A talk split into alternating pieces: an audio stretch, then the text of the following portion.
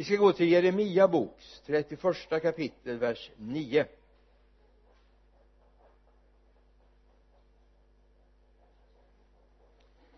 gråtande ska de komma men jag ska leda dem där de går bedjande fram.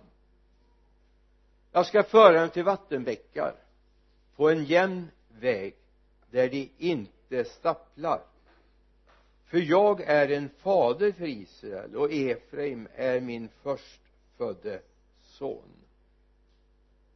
Men jag ska leda dem där de går bedjande fram. Temat för predikan är att gå bedjande fram.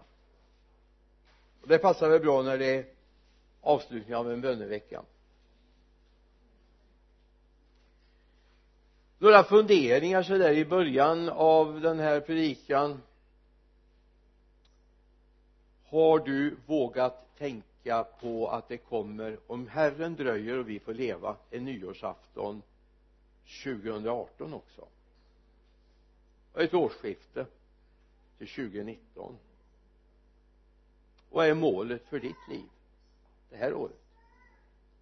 Vad vill du med det här året?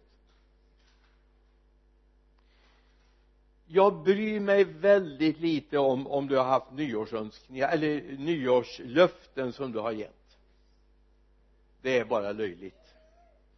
Jag vet att Gud har gett ett evigt löfte. Han ska vara med oss om vi gör hans gärningar. Och det är viktigare. Men vi kan ha ändå ambition att när det här året är slut så har du vunnit 20 människor för Jesus att du har fått be med människor till helande. Att du får leva ett värdigt, honom värdigt liv. Oavsett om du har medgång eller motgång i ditt liv. För en sak vet vi han är med dig i ditt liv. Så vad har du för ambitioner för 2018 tänkte du på det på nyårsdagen? Det här året? Ska jag börja läsa bibeln mer än vad jag gjort förut? Jag ska börja be mer än jag gjort förut. Jag ska vinna människor i min omgivning för Jesus. Jag ska vittna. Jag ska be Gud att jag får ett tydligare vittnesbörd att bära fram. För fortfarande gäller det ju missionsbefallningen. Gå ut och gör folk till lärjungar döp dem i faderns sonens och den helige andes namn och lär dem att hålla allt jag har befallt er. Se jag är med er alla dagar till tidens slut. Matteus 28 18, 19 20 gå ut gör människor till lärjungar. Du kan inte förvandla människor men du kan börja få dem att börja vandra med Jesus som du vandrar med Jesus, eller hur? Visst är det en sån här dröm vi har att herre måtte det vara så att de ser på mig att jag går med dig Jesus.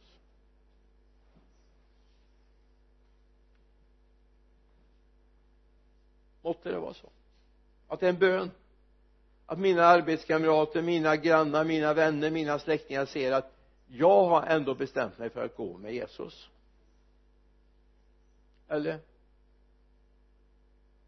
Jag säger inte att vi är fullkomliga, att vi har lyckats, att vi i allt gör så men vi borde ändå ha en bön.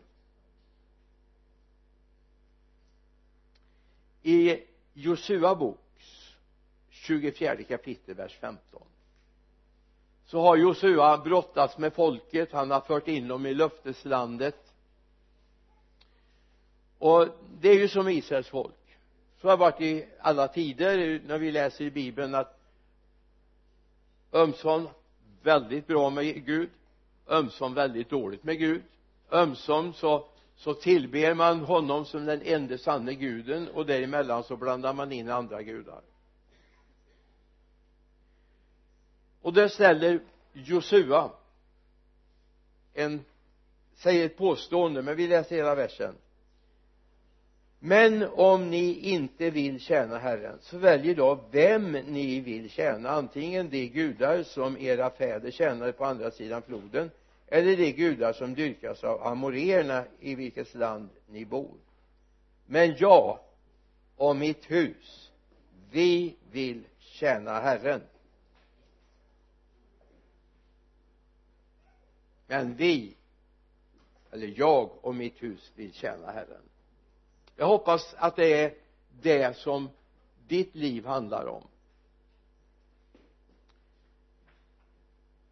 Jag har berättat det förut men jag hade en god vän i en församling jag tjänade uppe i Dalarna som var sån här eh, hem där man placerade fosterbarn som det hette på den tiden eh, och de tog emot barn ifrån Stockholm. De tyckte det var bra att Stockholmskisarna kom upp till till Dalarna. Det var ganska lugnt.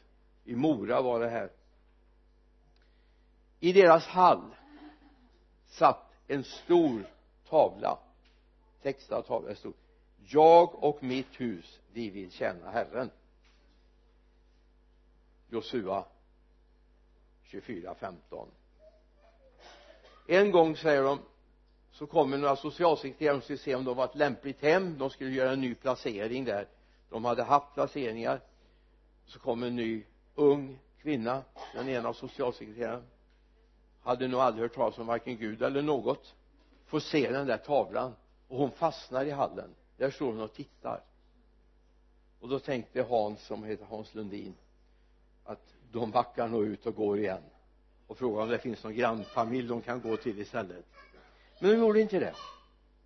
Utan någonstans föll poletten ner. Här finns någonting utöver Inger och Hans som skapar trygghet. Så från den stunden så var det inte så mycket problem utan så fort de hade besvärliga barn från Stockholm så ringde de och sa kan ni ta ett barn till? Det fanns en ytterligare garanti av trygghet. Jag och mitt hus vill vi känna Herren.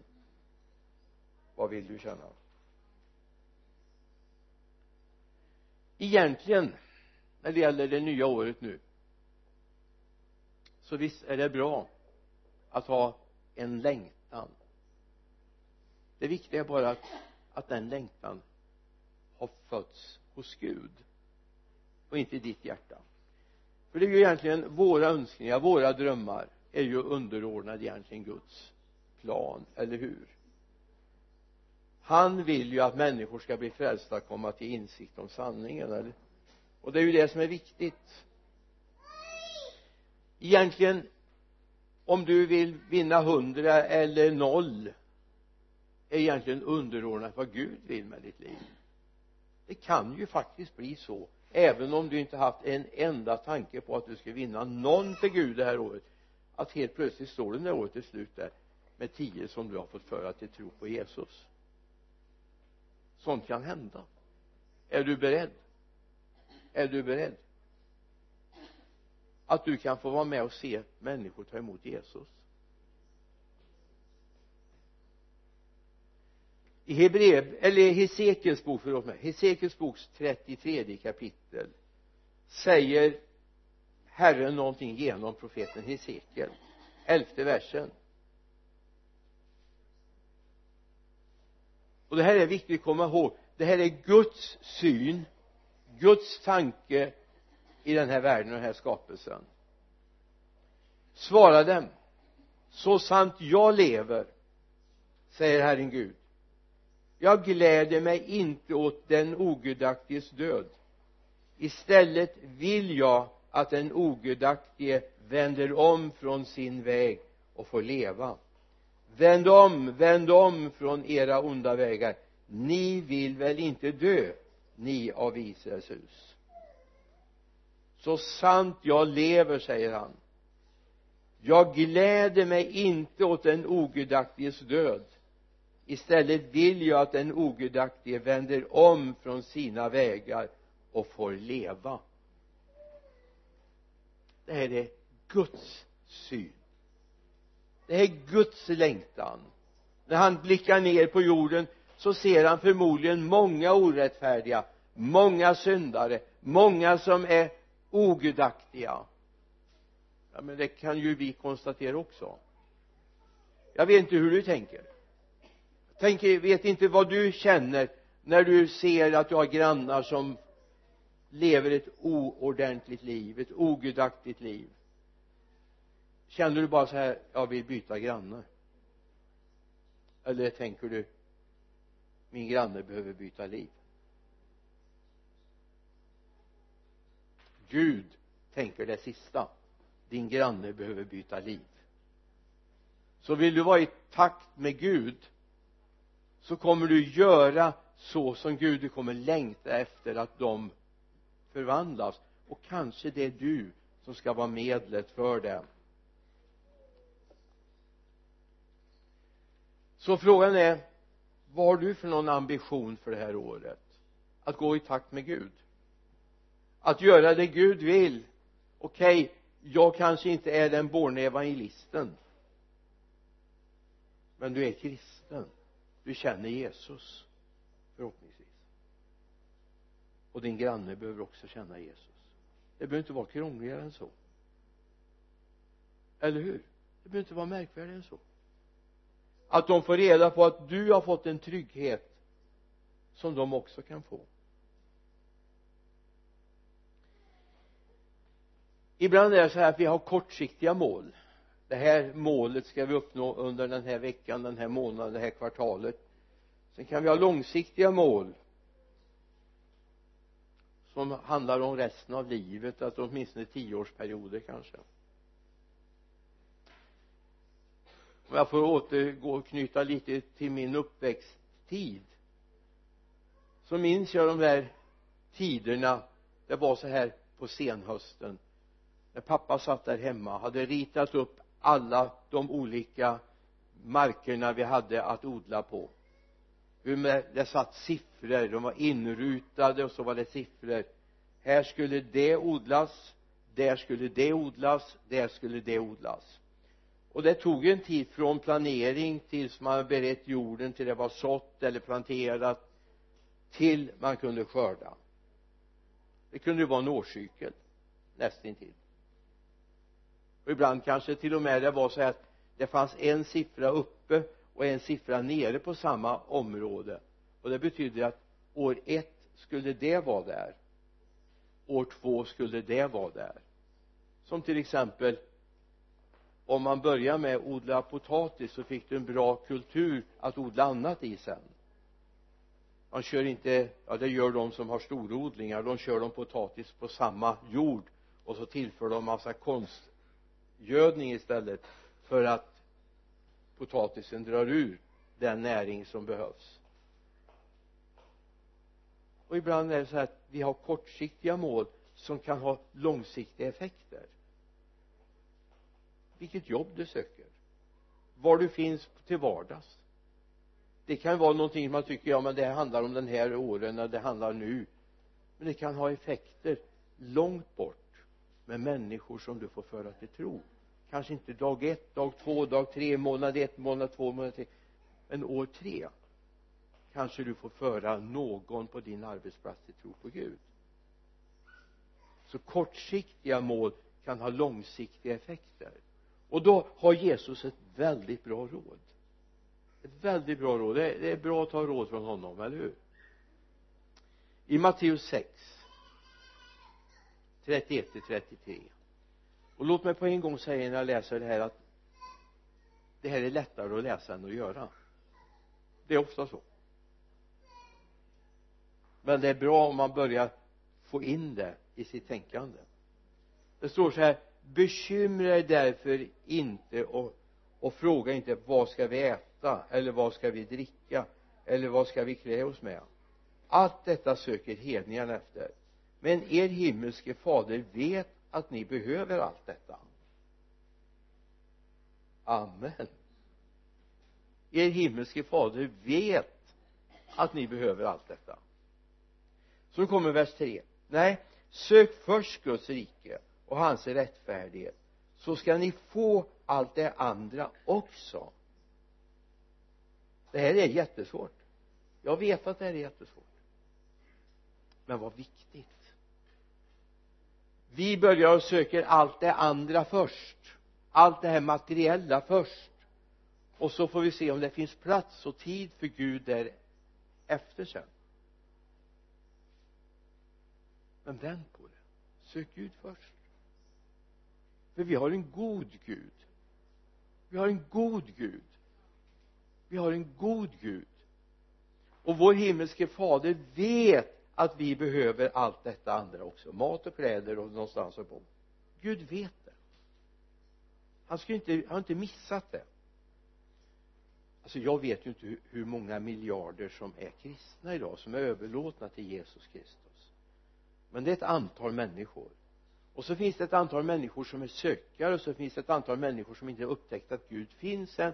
Och så finns det ett antal människor som har hängett sig åt andra saker, andra religioner men Gud söker dem. Gud söker dem. Jag säger att det är 10 miljarder. Gud har koll på varenda en. Gud har koll på varenda en. Och var och en som vänder sig till honom bryr han sig om. Bekymra dig därför inte och fråga inte vad ska vi äta eller vad ska vi dricka eller vad ska vi klä oss med? Allt detta söker hedningar efter. Men er himmelske fader vet att ni behöver allt detta. Han vet det. Han har ju skapat oss. Och då är det viktigt sök först Guds rike. Gör det han vill först.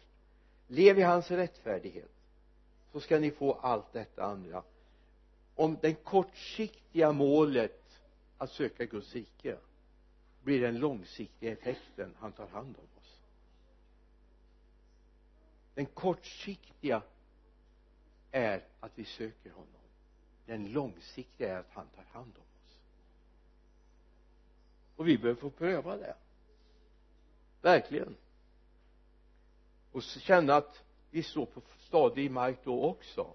Det är inget gungfly Gud bjuder oss på. Det är en klippa han gör våra steg fasta. Han lägger en ny sång i vår mun. Och det handlar om att vi söker honom. Så vi inte står i våra egna eller människors råd.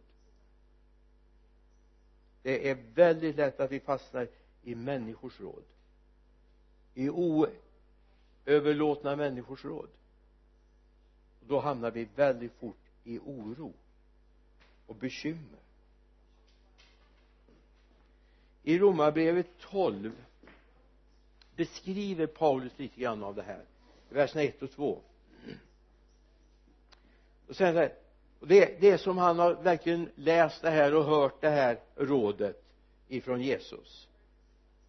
Därför uppmanar jag er bröder vid Guds barmhärtighet att frambära kroppar som ett levande och heligt offer som behagar Gud er andliga gudstjänst.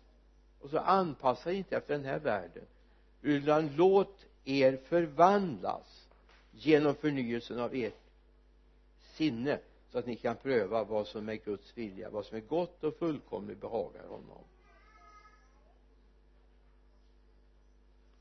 Vad, vad är den här världen? Vad, vad är det vi inte ska anpassa oss efter? Jo det är det tänkande som finns i den här världen. Vi måste samla i ladorna så att vi har om det blir krisår. Om jag blir arbetslös. Ja, visst det är bra. Men det är ännu bättre att lita på Gud. Och jag säger det här med stor ödmjukhet därför jag vet att det här är svårt. Jag vet att det här är svårt. Men jag vet att vår Gud är större.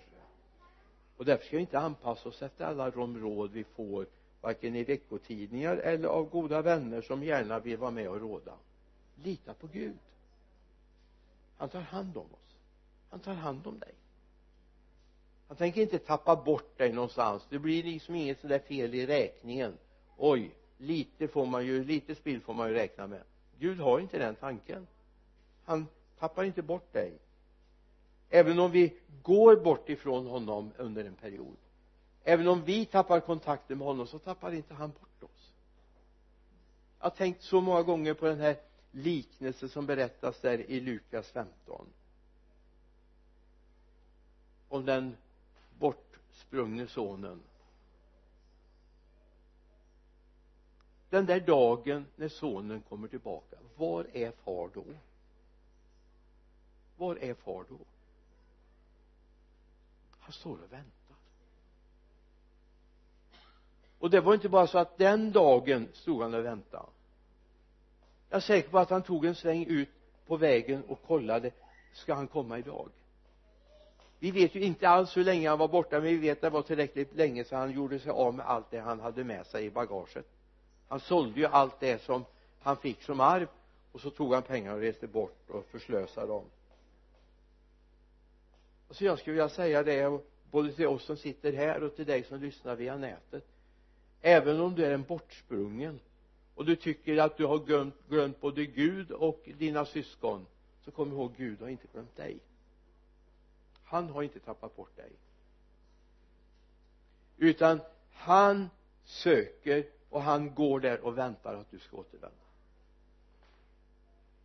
Tappa inte bort den Gud som har omsorg om dig. Vi ska leva i den här tiden ledda av Gud inte av omständigheterna, tillfälligheten eller tur eller vad du använder för något uttryck. Vi ska le leva ledda av Gud. Det är ingen chansning att gå med Gud.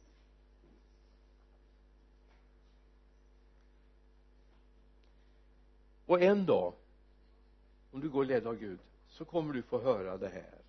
Så står i Matteus 25, 20 21 visst är det en bön vi har att vi ska få, få höra det. Den som hade fått fem talenter kom då och bar fram fem talenter till och sa herre du anförtrodde mig fem talenter. Här är fem till som jag har tjänat hans herre sa till honom bra du gode och trogne tjänare. Du var trogen i det lilla. Jag ska sätta dig över mycket. Gå in i din herres glädje. Vad är, vad är poängen i den här bibeltexten? Gå in i din herres glädje. Du har varit trogen. Gå in i din herres glädje. Visst är det det vi vill höra en dag inte att vi ska gå bort ifrån dem för vi var lata. Och vad är talenter? Jo det är de gåvor Gud har skickat med dig i bagaget. Alla har vi fått någon talent om du har fått hundra eller om du har fått en. Du har fått någonting av Gud att förvalta använda. Och det är att söka Guds rike. Det är att använda det Gud har gett dig. Och det här är det vi kommer höra den dagen om vi låter oss vara ledda av Gud genom livet. Ska nog komma igenom inledningen?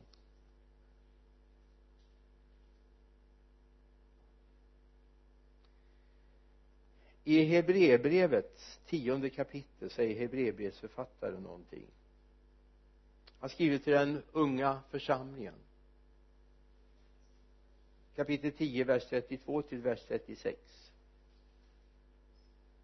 kom ihåg den första tiden när ljuset nådde er. Ni fick utstå hård kamp och mycket lidande. Dels blev ni hånade och plågade och gjordes till offentligt åtlöje dels stod ni sida vid sida med de andra som behandlades så. Ni led med fångarna och accepterade med glädje att bli fråntagen era ägodelar eftersom ni visste att ni ägde något som är bättre och bestående. Så kasta inte bort er frimodighet. Den ger stor lön. Ni behöver uthållighet för att göra Guds vilja och få vad han har lovat jag ska inte återupprepa det här men jag skulle vilja att du tar med den här bibeltexten hem. Tittar på den. Ligger det någonting i det? Kanske för framtiden. Det kommer att kosta ett pris att vara kristen. Jag hoppas alltså jag är lite orolig för alla församlingar som kör den här flashiga. Det är häftigt att vara kristen. Det är inte, jag är inte kristen för att det är häftigt utan jag är kristen därför att det är rätt. Jag är skapad för det.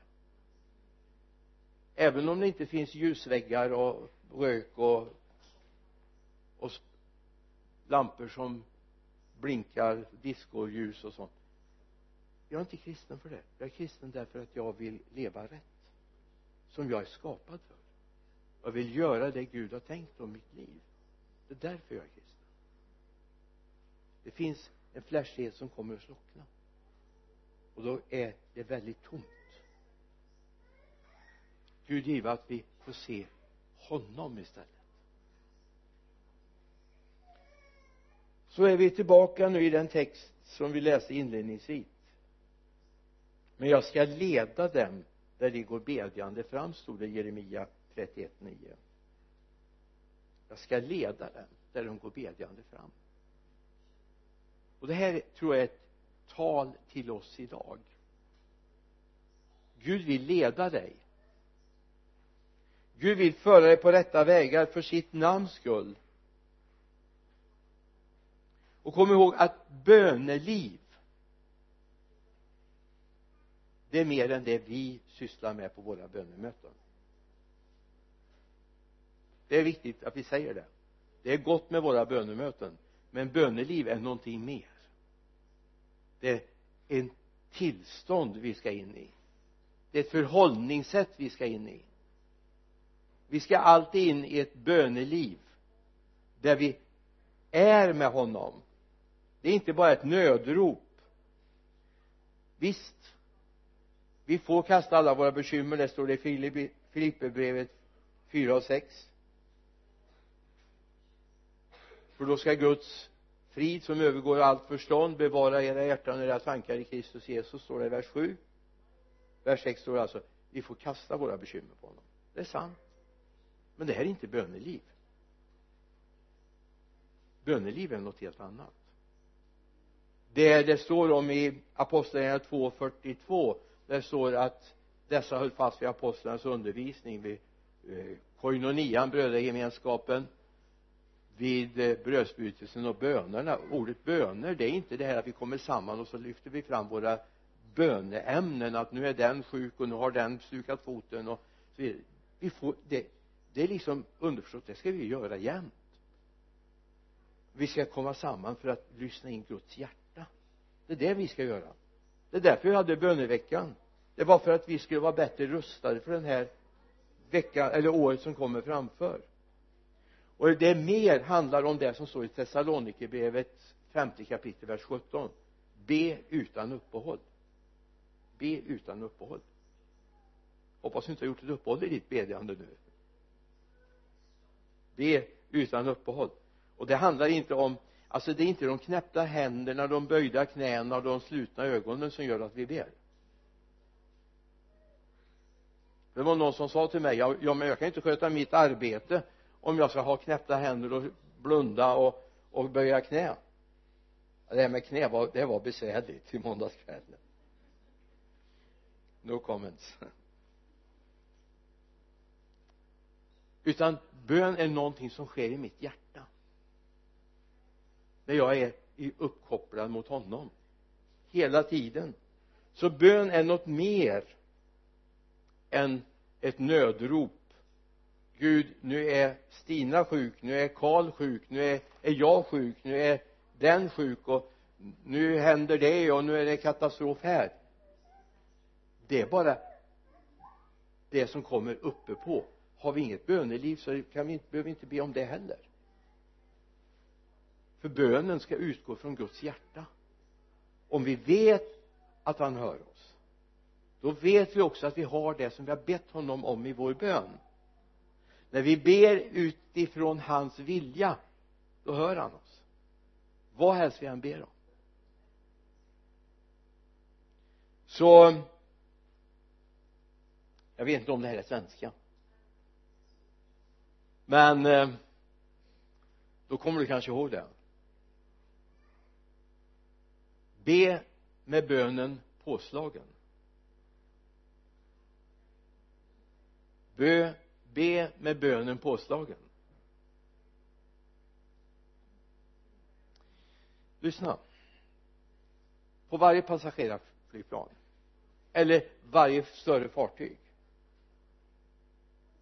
Så finns det en navigationsutrustning som är påslagen hela tiden. Och har man satt in kursen i den här navigationsutrustningen om man driver det minsta. Nu kan man ställa in hur känslig den ska vara. Men eh, om man driver då utanför det som man ställt in för känslighet så ger den varningssignaler. Det här är vårt böneliv. För ditt och mitt liv.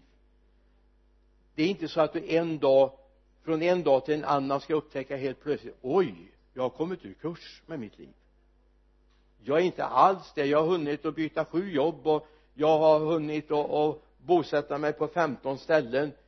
Och nu helt plötsligt upptäckte jag jag är ur kurs. Det ska inte gå tre år du inte öppnar bibeln. Utan redan första dagen du inte öppnar bibeln så finns det en varningssignal som du ljuder. Hur är det? Alltså då lever vi med bönen påslagen. Och det är det egentligen Herren säger Jeremia jag ska leda dem där de går bedjande fram. Det är inte så att de har fem checkpoints på vägen. Då har vi bönemöte för att kolla in att vi kom rätt den här sista sträckan så vi inte behöver gå tillbaka och gå till en annan väg. Att vara bedjande, att gå bedjande det är att hela tiden vara uppkopplad mot Gud. Hela tiden. Så det är inte bara när vi får problem som vi ber. Vi ber alltid så att vi miss, inte drabbas av så många problem. Ibland kan vi drabbas av problem för att också vi ska testas hur vi har det i våra liv. Jag bara har några exempel apostlagärningarnas åttonde kapitel. Jag älskar det här sammanhanget. Det är Filippos som på grund av att han blev utdriven från Jerusalem på grund av förföljelsen där mot de kristna så hamnade han i Samaria. Vers 26 tror jag en herrens ängel talade till Filippos. Och så står det en antal han talar. Och sen vers 29 då sa anden till Filippus gå fram till vagnen och håll dig nära den det är när han får föra hovmannen till tro på, på Herren och får döpa honom. Vad är det som händer? Jo Filippos har sin bön påslagen. Kanske ett helt nytt begrepp och ett helt nytt tänkesätt. Men han har hade bönen påslagen. Därför kommunicerade Gud med honom. Alltså Gud har direktkontakt precis som du får ett sms det ser du på en gång. Ett brev kan ta en vecka innan det kommer fram va? Men Gud signalerar direkt. Ha din andliga GPS påkopplad kanske ett bättre uttryck idag? Som talar om för dig här ska du faktiskt ta och svänga till höger eller vänster eller vad det nu är du ska göra.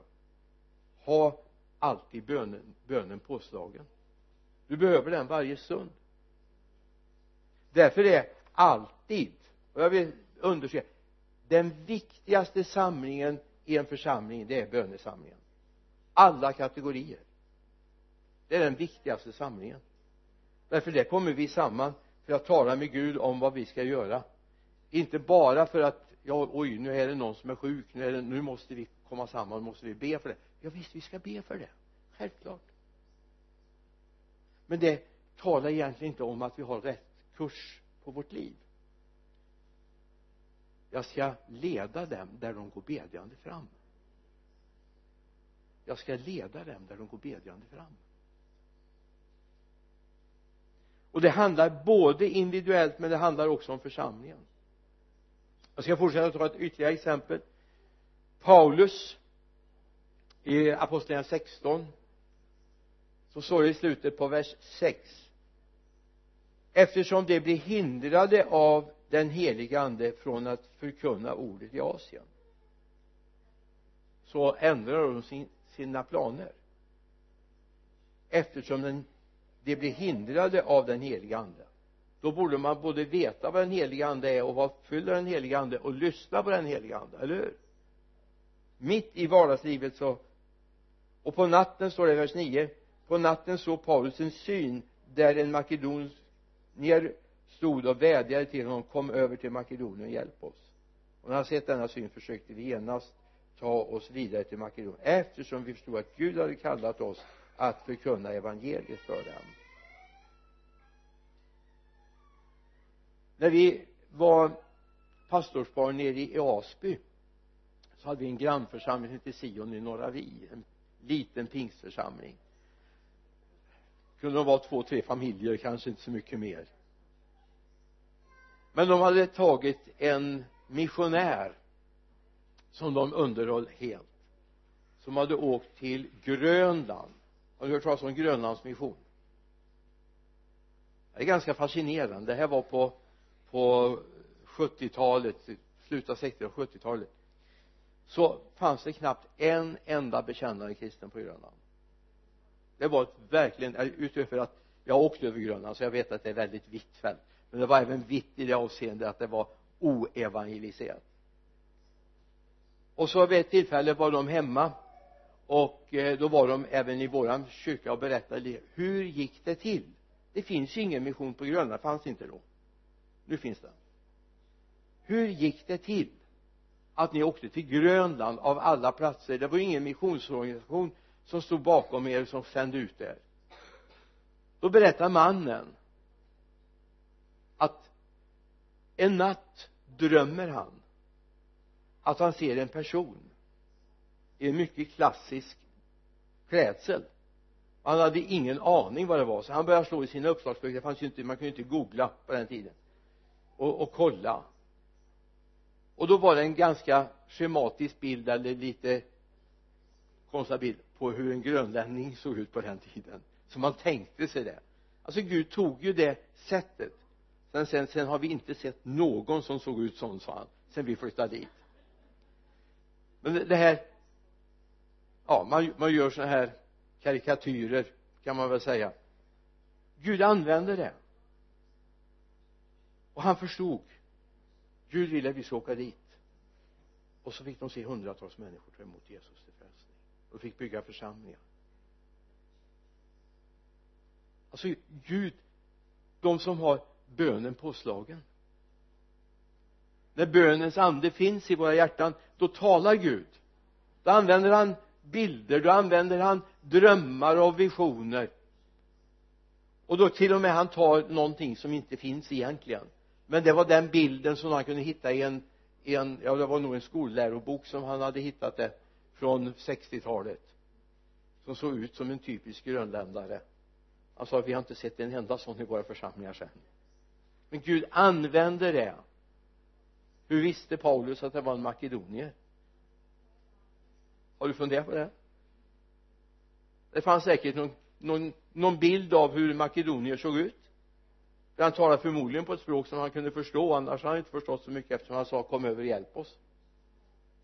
Alltså det här är att få gå in i en annan dimension i vårt kristna liv. Och vill vi vinna människor 2018 så behöver vi in i detta att ha bönen påslagen ständigt. I Hebreer, eller i Apostlagärningarnas trettonde kapitel. Jag ska snart landa ska ni se så att det är inte orolig inom närmaste timmen ska jag landa. Så i början där så står det en uppräkning på de som är församlingsledare i församlingen i Antiochia. När de tjänade Herren och fasta sa den helige ande avskilj Barnabas och Salus åt mig för den uppgift som jag har kallat dem till. Då fastade de och bad och la händerna på dem och skickade sedan ut dem. Nu förutsätter jag någonting det är att de inte har läst för här är vi i apostlagärningarna 13 nämligen. Och jag tror inte att de har läst Lukas manuskript till apostlagärningarna. Jag är ganska säker. Och jag tror inte de har träffat Ananias från Damaskus. Han har inte mejlat till dem och sagt att de där som är hos er de sa Gud till mig att han är mig ett utvalt redskap jag tror inte det. Du får gärna motbevisa mig men jag, jag tror inte det. Jag menar visserligen kunde ju åtta, nionde kapitlet i apostlagärningarna varit ett manus legat i i någon sorts bokrulle som eh, Lukas hade med sig. Så man kan säga jaha Gud har sagt att han är ett utvalt redskap. Åtminstone säger Ananias det. Alltså är det lätt att lyssna. Utan jag tror att de var helt nollställda och så börjar Gud tala. När talar jo när de fastar och ber. När de fastar och ber. Då pekar den heliga ande ut Paulus och Saulus. Saulus och, och Barnabas. Att det här är åtminstone den ene. Hade Gud redan i moderlivet står i Galaterbrevet 1 och 15 står det att redan i moderlivet utvalde han mig. Jag tror de inte hade en aning om det. Så okunniga var de där i Antiochia. Ändå var de så kunniga. Visst är det ganska häftigt? Men du vet det är så här när en församling har sin böne påslag, sin bön påslagen då kommer Gud tala.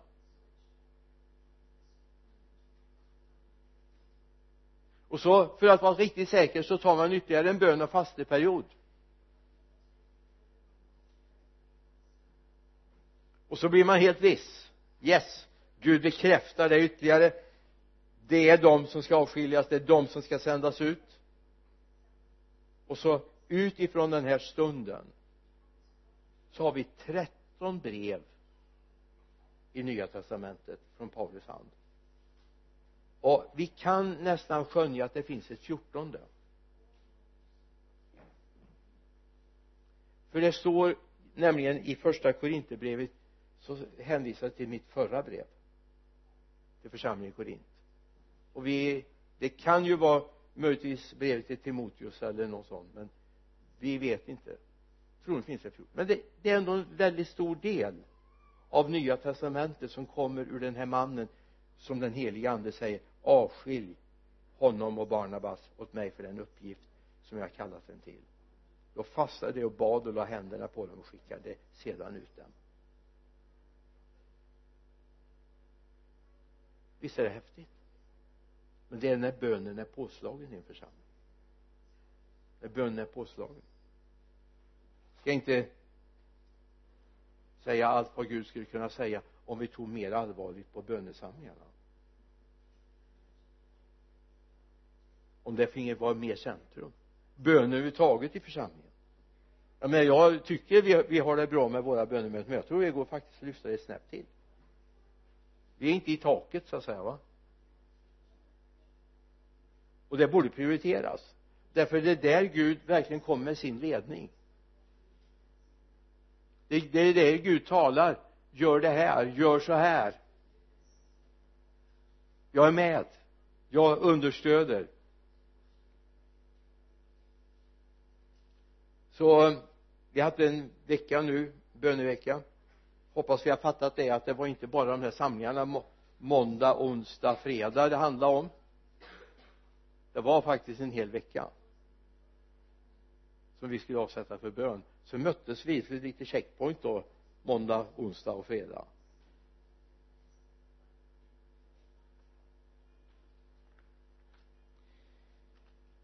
Jag ska ta med dig till en tanke till. Det kan ju vara så här att du som sitter här. Och nu vill jag inte att du sätter en parentes och säger nej det här gäller inte mig. Det, det, det, det gäller alla de andra. Det gäller pastorn framför allt och, och så här. Det kan gälla dig.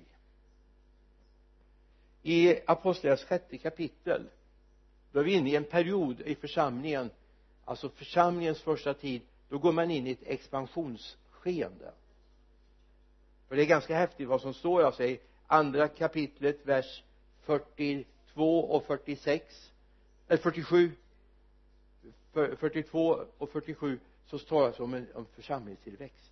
Ja, 40 till 47 kan du säga. 3000 blir frälsta på en dag och i vers 47 står det att det kom nya till varje dag så som lät sig frälsas. Ganska häftigt. Så småningom är man 5000 i den här församlingen som var 3000 och så har man social tjänst också. Man har matutspisning och man eh, har omsorg. Man har läst romarbrevet nej det har man inte gjort än. Men Paulus skriver om det i romarbrevet att de som är tillsatta för hjälp alltså diakonerna finns där. I tolfte kapitlet i romarbrevet så står det i sjätte kapitlet vers 3 och 4 nej bröder utse sju män bland er som har gott anseende och är fyllda av ande och vishet så ger vi dem den uppgiften. Vilken uppgift? Jo att laga maten till de grekiska änkorna. Det var specificerat. Som eh, apostlarna har stått och rört till i grytorna. Spännande att se vad det var för mat de lagade egentligen. Grönsakssoppa eller? Köttsoppa eller? Men man ordnar i alla fall utspisning. Och så ska man ha några som gör det här. Och de ska uppfylla av de ska ha gott anseende och ska vara fyllda av ande och vishet. Så ska de få den uppgiften.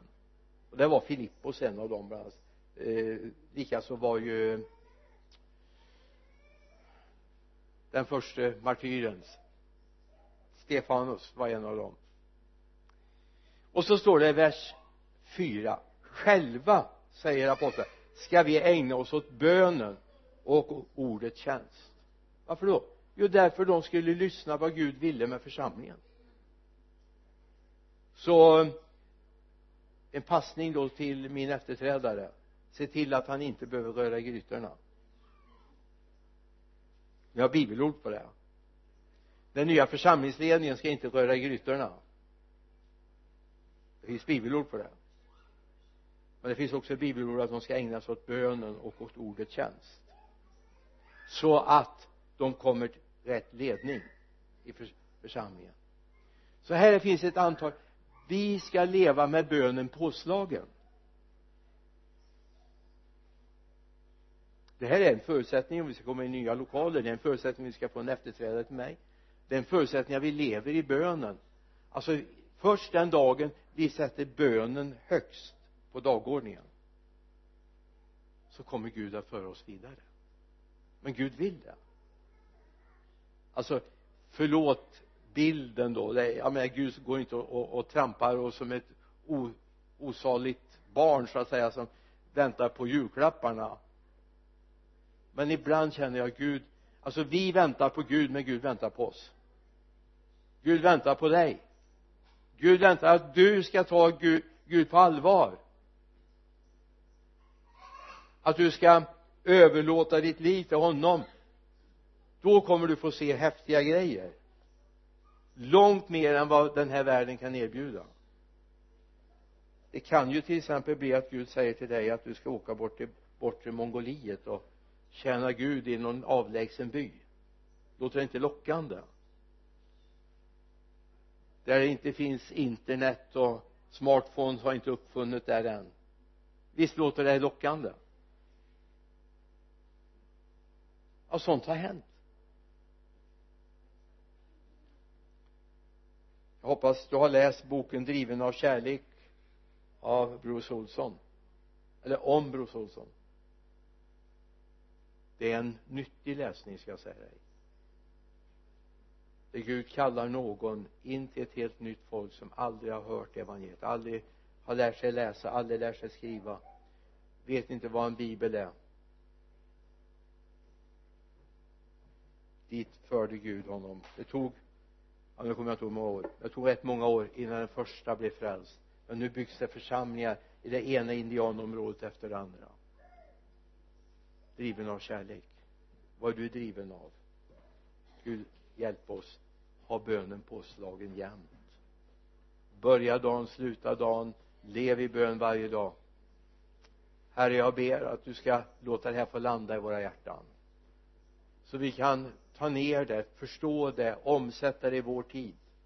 Jag ber om det i Jesu namn. Herre hjälp oss att få se herre att du faktiskt vill leda oss. Du vill låta oss få vara till välsignelse. Du vill att vi ska vara på rätt plats i rätt tid herre det är din längtan. Tack herre för att du ska hjälpa oss att komma in i ett sådant förhållande. Amen.